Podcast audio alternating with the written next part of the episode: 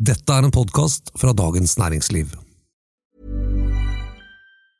Hey, I'm Ryan Reynolds. Recently, I asked Mint Mobile's legal team if big wireless companies are allowed to raise prices due to inflation. They said yes. And then when I asked if raising prices technically violates those onerous two year contracts, they said, What the f are you talking about, you insane Hollywood ass?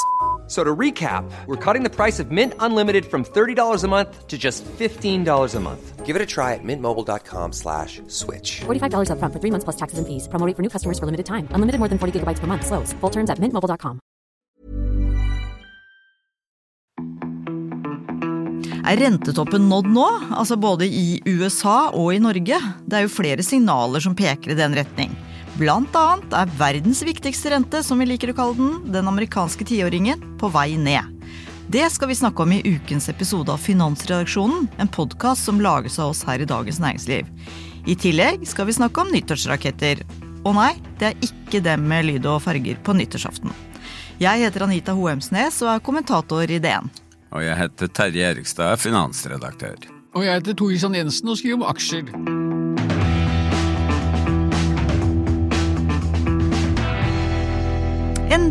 Endelig, nå har det skjedd. Den lange amerikanske renten, tiåringen, verdens viktigste rente, er på vei ned. Det kan i hvert fall se sånn ut. Og vi har snakket mye om tiåringen i finansredaksjonen, og det at det har vært nye rekorder på vei opp. Men nå ser det ut til å ha snudd, og det er vel aldri, et, aldri så lite et lite lyspunkt, Tor Christian? Jo, det er jo fantastisk spennende. Altså, det som har skjedd i amerikanske rentemarkeder, og i det norske for så vidt, og alle andre rentemarkeder, er jo eh, dramatisk. Veldig dramatisk. Eh, vi hadde på tiårsrenten var bare for noen få år siden nede på 0,5 ikke så har den da steget den nådde en topp her for noen uker siden på, eh, på, på rundt 5 og det, det, kan kanskje høres ut som eh, noe flisespikkeri, men det er jo ikke, det er jo helt dramatisk, for denne tiårsrenten er liksom bruden for alt. Prising og verdsettelse av en masse verdipapirer og ekstre, og det går jo også for altså det er liksom utgangspunktet for den risikofrie renten. Og samtidig har det jo skapt en hel masse krøll for vekk, prising av vekstaksjer og andre vekstaksjer som vi har snakket mye om i finansredaksjonen. Jeg syns du skrev det så godt i børskommentaren din, kan jeg få lov til å sitere deg? Du, vær så god. Lavere renter gir alt annet like høyere aksje aksjekurser, både fordi rentepapirer som alternativ investering blir mindre attraktive, og at lavere rente betyr høyere nåverdi på selskapenes kontantstrømmer. Og så er det spesielt potent for vekstaksjer, der det er vesentlig av inntjeningene kontantstrømmen ligger langt frem i tid. Veldig bra skrevet, Tor Christian. Ja, det må jeg si. Huska du at du har skrevet Nei. Poenget er at den er viktig. Den er viktig, og eh, Bloomberg, eh, den analyse- og nyhetstjenesten, hadde en sånn eh, sak om hvor vanvittig denne måneden har vært i rentemarkedet. Det er liksom den beste måneden i amerikanske renter på 25 år. Mm. Eh, og den, det har da skapt et sånt everything rally. Altså alt har steget i verdi.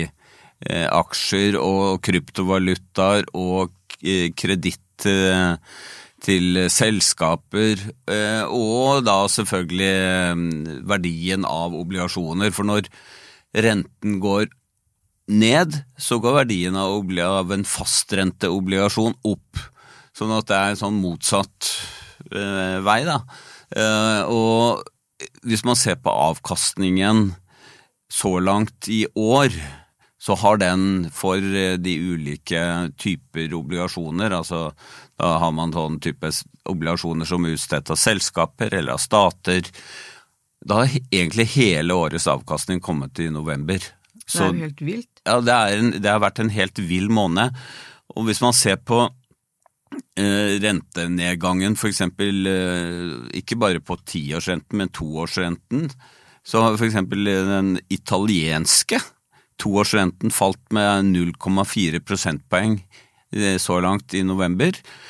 Og det er omtrent like mye som eh, den amerikanske, eller litt mer enn den amerikanske toårsrenten har falt. Hvorfor er det viktig at den italienske renten ja, Fordi at eh, den italienske renten er liksom et signal på hvor nervøse investorene er for at stater skal få problemer med å, å betjene gjelden sin. For Italia har blant de høyeste statsgjeldene i verden pluss at det er et land som nesten ikke har økonomisk vekst.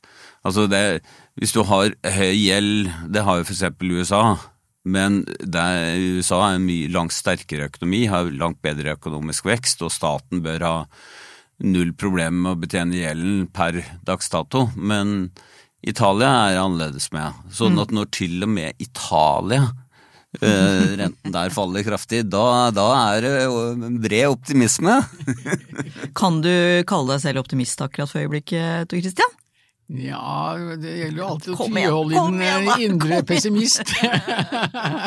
Nei, men det er ganske, ja, men det er ganske interessant, ja, for at, uh, vi snakker om at ja, alle sier at nå rentetoppen er nådd og bla, bla, bla. Og, men det er jo interessant, det var jo ingen, det var ikke en kjeft, uh, alle de som nå sier at rentetoppen er nådd, som spådde at renten skulle stige så kraftig som den hadde gjort. Og, ja, alle trodde jo, det er ikke mange, ikke mange år tilbake kan, før alle trodde at inflasjon det var, et, tilbake, det var, det var noe gamle greier, gammeldagse greier og at vi skulle ha lave rente for alltid, ja. det var konsensus for ikke veldig langt tilbake. ikke sant? Så eh, man skal alltid prøve å holde i de lange linjene og tenke at ok, eh, alle tror nå at renteoppen er nådd, at vi, at vi er på vei eh, nedover, men det trenger jo ikke å være sånn. Nei. Og så er det jo, hvis hadde Marius Gonsolt Hov, som er sjeføkonom i Handelsbanken, skriver i DN, og på mandag så begynte han å ta fram S-ordet, altså stagflasjon. At den norske økonomien var stag, eh, stagflasjonpreget. Det betyr at prisene stiger samtidig som veksten eh, eh er lav. Mm -hmm. eh, og så trekker han fram eh, en eh, Isabel Schnabel fra ESB som sier at eh, det er liksom ikke tro nå at pristoppen er der. Eller, eller jo da, kan godt hende at pristoppen er der, men ikke liksom tro at det går kjempefort nedover igjen. Det er the last mile, som hun sier. Altså det å få den prisveksten ned i 2% som er inflasjonsmålet til de aller fleste land, ned igjen, det krever streng pengepolitikk fortsatt. Ja, og det er jo, som Thor sier, eh, slik at konsensus har tatt helt feil når det gjelder både inflasjon Det var liksom Man så ikke inflasjonen komme.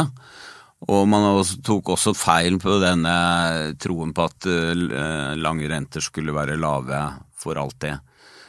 Og nå er da den, si, det nye konsensus i markedene er nettopp at det kommer til å gå veldig greit å mm. få ned inflasjonen. Eh, sentralbankene har på en måte gjort jobben allerede, så nå er det bare spørsmål om når de begynner å kutte. Mm. Og, og økonomien får en ny oppgangsperiode osv. Eh, og da, da er jo det som kalles gullhår mm. Eh, et eller annet sted? Ja, scenarioet. Et eller annet sted. Nei, det var gold, Goldilocks. Jeg prøvde å unngå å si det. Ja, jeg skjønner det, for det er jo ikke det som er betydningen. ikke sant? Nei, I denne sammenheng. Det er den norske versjonen av det. Goldilocks, og det er at det er liksom passe varmt, passe kaldt. Mm. Og dette stagflasjonsscenarioet til Hov, Gonzalt Hov, er jo selvfølgelig en risiko men er, jeg tenker at det er for tidlig å konkludere med hvordan dette går. Her kommer uh, månedlige tall for inflasjon til å være veldig viktig. Går det riktig vei, eller eh, reverseres ting og den såkalte kjerneinflasjonen, da, som er enten som regel alltid justert for energipriser, som varierer kraftig, eller også justert for avgifter, som i Norge, eller matvarer, eh, som også varierer ganske mye. Om denne såkalte kjerneinflasjonen fortsetter pent og pyntelig å gå ned. Og, og de siste inflasjonstallene i USA var jo veldig positive i så måte, og det var det som på en måte virkelig satte fart i denne rentenedgangen. Mens inflasjonstallene i Norge ikke var så lystelige. Men da er liksom Det kom en veldig, egentlig en veldig god inflasjonsnyhet i Norge som ikke har noe med faktisk inflasjon, men hva folk tror om inflasjon. Og den forventningsundersøkelsen Norges Bank viste en markant liksom eh, forbedring i troen på at inflasjonen skal ned over tid. Mm. Altså inflasjonsforventningene eh, er veldig viktige da, for sentralbankene. Hvis hvis folk tror at inflasjonen kommer tilbake til rundt målet på 2 så vil den faktisk gjøre det. One size fits all seems like a good idea for clothes until you try them on. Same goes for healthcare. That's why United Healthcare offers flexible, budget friendly coverage for medical, vision, dental, and more. Learn more at uh1.com. I'm Sandra, and I'm just the professional your small business was looking for. But you didn't hire me because you didn't use LinkedIn jobs. LinkedIn has professionals you can't find anywhere else, including those who aren't actively looking for a new job but might be open to the perfect role, like me. In a given month, over 70% of LinkedIn users don't visit other leading job sites. So if you're not looking on LinkedIn, you'll miss out on great candidates like Sandra. Start hiring professionals like a professional. Post your free job on linkedin.com/people today. There's never been a faster or easier way to start your weight loss journey than with PlushCare.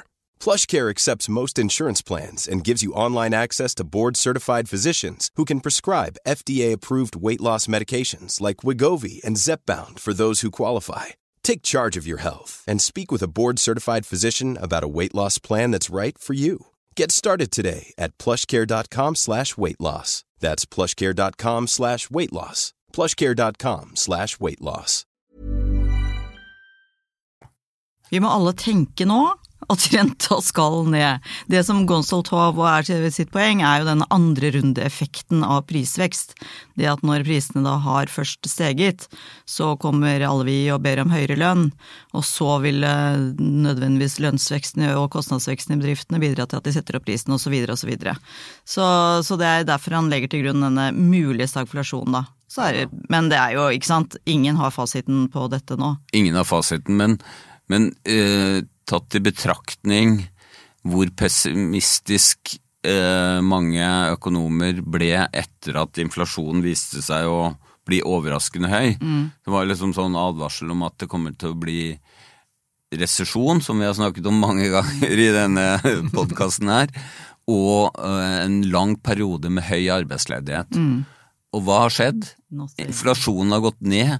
Den amerikanske, den øko, amerikanske økonomien vokste med 5,2% på årsbasis i tredje kvartal. Det er jo det er liksom ikke til å tro, samtidig som renten har gått opp, og ledigheten er jo Helt grei. eh, Men nå skal det jo sies, Norges Bank hadde jo en liten blemme denne uka her, eh, Tor Christian.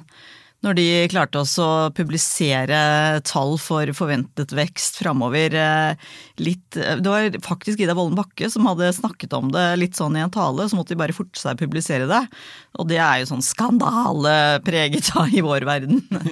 Men så det var jo ikke akkurat sånn at norsk økonomi var forventet å stige 5,2 Nei, eh, og den, eh, dette regionale nettverket til Norges Bank er en god sånn, temperaturmåler da, på hva skjer i bedriftene.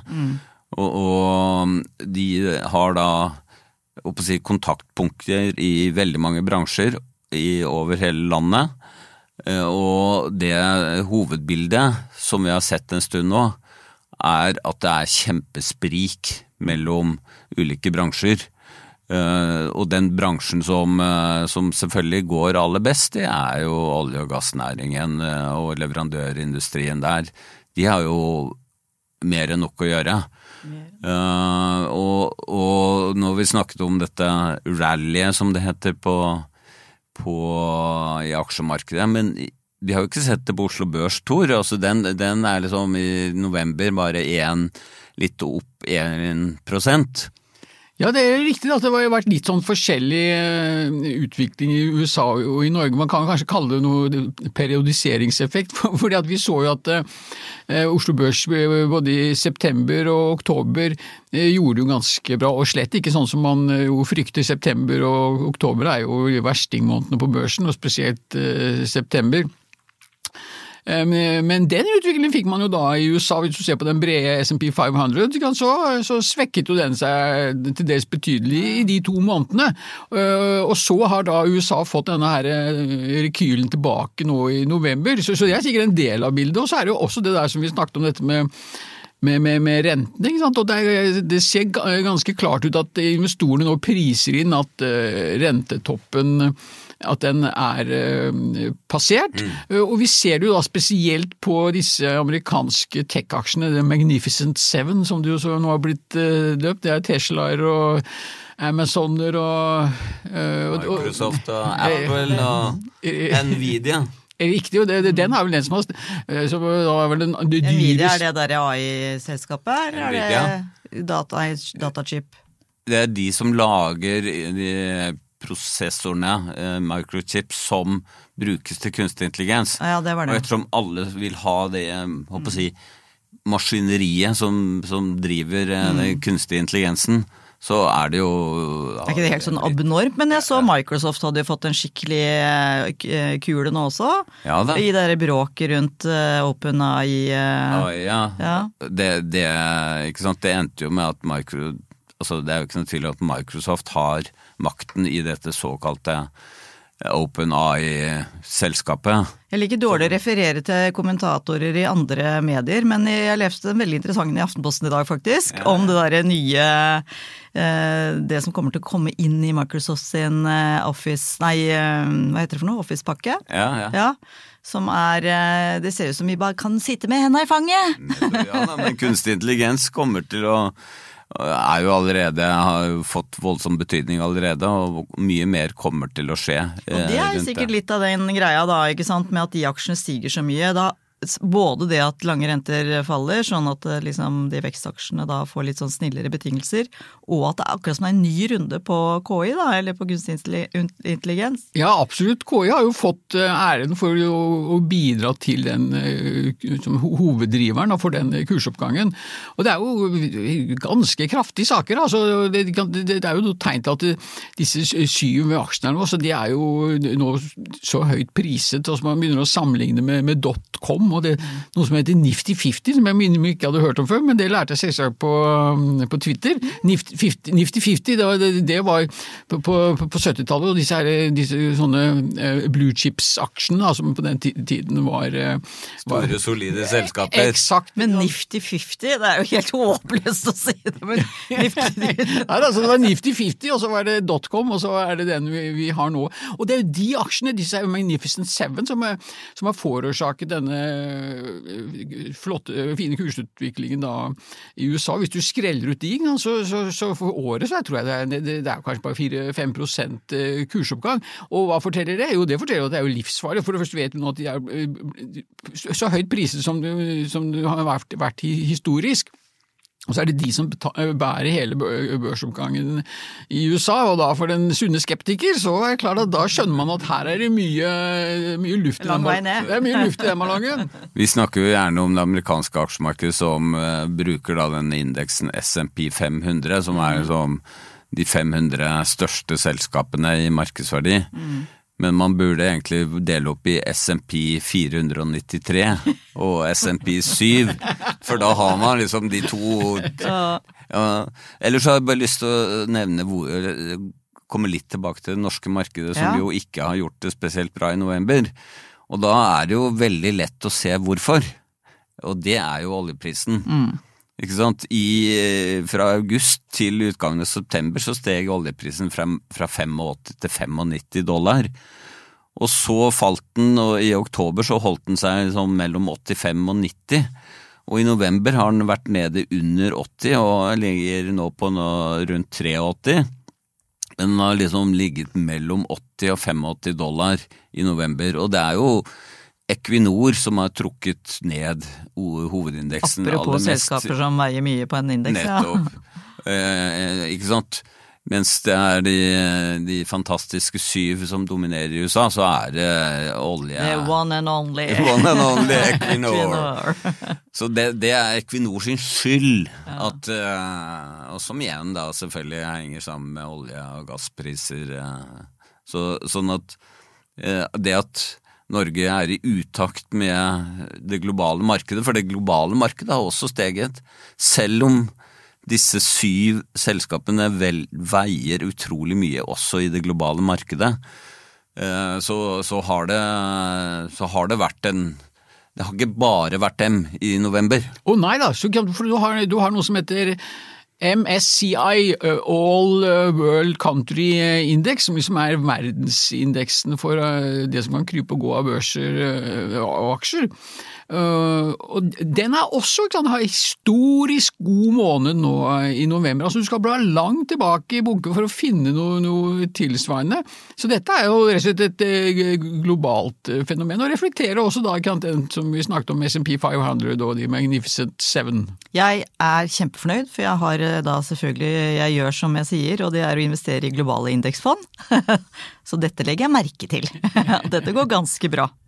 Men eh, apropos eh, nyttårsraketter Apropos nyttårsraketter, vi har jo ikke snakka om det, bortsett fra innledningen. Ja, det var en litt dårlig overgang der. Men det er jo noen aksjer som antagelig vil utmerke seg mer enn andre resten av året. Og de er du veldig Du liker den der runden som vi er inne i nå, som da er liksom nyttårsrakettenes uh, høytid. Ja, det er jo veldig morsomt, også fordi at det, liksom, det er jo helt Altså hvis, du, hvis, du, ser sånn rasjonelt på det, hvis du går rundt og innbiller at uh, aksjemarkedet er rasjonelt og effisient priset, så er jo disse nyttårsrakettene en hån mot uh, alle rasjonalikere. Fordi at uh, du, Det er jo bare knodig effekt, for du ser det at fra, fra midten av desember og det er viktig med timingen her. Det må være fra midten av desember og da til den første handelsuken av det nye året, så da typisk sånn rundt 5.-6. januar, den fredagen som kommer der da. I de, I de, ukene der så stiger da disse nyttårsrakettene, og det er, vært, det er en effekt som er dokumentert av akademikere eh, way back, altså jeg tror det var helt på 40-tallet første gang de begynte å snakke om dette. Altså det, er, det, er en, det, er, en, gammel effekt, da, men um, så er det noe de leide strides nå om liksom, noe effekt er i ferd med å bli priset ut, altså arbitrert bort. For at, okay, du, hvis du vet at de aksjene skal stige i midten av desember, da er du jo ganske dum hvis ikke du kjøper dem i, i november. Men, men det, er ikke nødvendigvis sånn at det det fungerer sånn. Og så er det jo metodikken, ikke sant. Eh, sånn som Peter Hermanrud, tidligere, tidligere aksjestrategen i Sparebank Markets, han eh, brukte en miks av, av vin, årets vinnere og tapere eh, for å prøve å finne disse, disse nyttårsrakettene, og det måtte være små aksjer. Men, den, men han slutta, for det, jeg, tror, jeg, tror, effekten tok avtok. Mens DNB Markets de fortsetter med samme tralt, men de plukker hovedsakelig årets tapere. Så det er ganske sånn artig artig eh, for alle oss som er interessert i børs, så er det jo ganske artig å, å følge med på dette. Så du sier at det er nå vi bør investere i årets tapere? Ja, nei, det, er det, det, det, er det som da metodikken eh, er, er viktig, da, fordi at det viser seg at det beste tidspunktet for å gå inn er faktisk i midten av desember. Men i hva? I taperne? Ja, riktig. Hvorfor det? Hva er, var metodikken? Det er nesten så du mistenker sånn eh, systematisk markedsmanipulasjon. Fordi, eh, ikke fra oss. Nei. Men ikke sant eh, Hva, Hvorfor har det en effekt på, på, slutten av året? Eller hvorfor ser man en sånn effekt på slutten av året? Jo, det er jo alle som rapporterer hvor stor avkastning de har fått på sine porteføljer, forvaltere, pensjonskasser osv. Mm de vil jo kanskje ha et insentiv til å bruke litt penger i, i desember på å flytte kursene i taperaksjene litt opp. Mm. Sånn Windows de, dressing? Ja, nettopp. Oh, ja, så det ser pent og pyntelig ut på nyåret? Nettopp. Og det er ikke sikkert at, det, at det nødvendigvis behøver så eh, veldig mye penger. Man behøver ikke kanskje investere så veldig mye for å flytte kursene opp. Ja. Og hvis man vet at andre også kan, kan være interessert i å flytte kursene, så har, så har, flere et insentiv til å gjøre akkurat det samme. La oss nå bare få opp de, de kursene på de selskapene som har blødd mest, litt på slutten så ser det bedre ut i, i våre bøker. Det er jo et råd tips, da. Ikke for oss som ikke kan handle aksjer, men for dere som driver med det der ute, så finn nå en taper. men da er det viktig å huske det som da DNB Markets alltid avslutter, fordi det er nesten det, det er sånn du får julestemning når de kommer med disse rakettene sine da, i midten av desember. Men eh, da står det alltid på slutten av den eh, teksten da, at husk at dette er meget risikable eh, investeringer, så bruk kode eller et eller annet i den duren. Nå, ja. nå har vi tatt Det var disclosuren eller hva det heter for noe. Det er veldig bra. Men Jeg har bare lyst til å runde av litt i podden i dag, for eh, med en veldig sånn derre Charlie Munger døde jo i går, var det vel? Eller i hvert fall denne uken. Det stemmer, det. 99 år. Warren Buffetts eh, mangeårige samarbeidspartner. Og som er blitt liksom eh, ja, blitt nærmest opphøyet til en filosof eh, i det han sier. Og da, for at jeg følte at det passa litt til hva vi prøver å oppnå med, med denne podkasten. Og det er rentes renteeffekten på kunnskap! for man snakker om rentes renteeffekten som er liksom helt sjukt bra når man investerer, fordi man da får effekten av også renten og avkastningen på det du har putta inn først, eller på det innskuddet du putta inn først. Men sånn er det jo med kunnskap òg. Hvis du har en del kunnskap og sikrer deg mer kunnskap, så vil du lettere kunne bli kjempesmart, rett og slett. Eller i hvert fall få et videre spekter, da. En bredere forståelse av ting. Ja, det er ganske Unnskyld, Terje. Han Munger, både han og Warren Buffett de er jo veldig opptatt av det å, lese og tilegne seg informasjon, akkurat som du sier. Munger har jo sagt det flere ganger, han må bruke hver dag på å eh, eh, lære seg litt mer og bli litt bedre. Og som han sa, han har ikke truffet én virkelig smart person som ikke har lest, og det var liksom every day. Altså, det holder ikke å sitte og lese en halv bok på lørdag ettermiddag, du må gjøre det hver eneste dag. Sitte og lese og sette deg inn eh, i ting, og det er jo veldig sånn inspirerende og motiverende, i hvert fall for sånne som meg, da, som ikke tar i en bok. Nei, men du er jo så god på Twitter, det er jo ikke den ting du ikke lærer. Du lærer jo mye der, da. Jo, så er det jo veldig enkelt, ikke sant. Det er mye bilder og veldig lite tekst. Men, ja, men det er veldig bra. Hva tror du, Terje? Men det, det, Du som er liksom mannen som leser de ordentlig blytunge, veldig svære ja, analysene. Men jeg, jeg, leser masse hver eneste dag, eh, og, og det er eh, det blir man nesten litt avhengig av. Og jeg syns jo at, at uh, Charlie Munger og Warren Buffett er De er litt sånn forbilde på den måten at de hele tiden har prøvd å liksom uh, hold, si, følge med, utvikle seg. Han har holdt på til han var 99 år, altså. Ja, det er kjempeimponerende. Det betyr at man behøver ikke å sette seg ned og og bare liksom gi opp, selv om man begynner å nærme seg pensjonsalderen, som undertegner. Fondsjefen vår og Nicolai Tangen også har litt av den samme filosofien, liksom. Det der å bli eldre, det var han som snakka om det, at det å lære seg noe nytt Han har jo vist seg ved å gjøre det i praksis, å ta kunsthistorie eksempel, i, i godt voksen alder. Mm. Så nei, det er eh, Kunnskapens verden er fantastisk. Ja, det er helt utrolig. altså På et tidspunkt hvor de fleste andre som er 99, hvis de har blitt det, enten sitter de på gamlehjem eller så er de demente og senile. Men han Munger, det er ikke så lenge siden, hvor han da rett og slett bare avfeide krypto. Han sa det er, det er for idioter, og det er, mener det er bare tullball. og Det samme mener jo Warren Buffett. ikke sant? 99 år, og så er du så tøff i klypa. Det er jo helt utrolig. Ja, det er veldig bra. Ok, årets forbilde der, altså. Kjempefint. Tusen takk for at du hørte på ukens episode av Finansredaksjonen. Tips gjerne andre venner og kjente om at vi finnes. Vår produsent er Gunnar Bløndal. Ha det bra!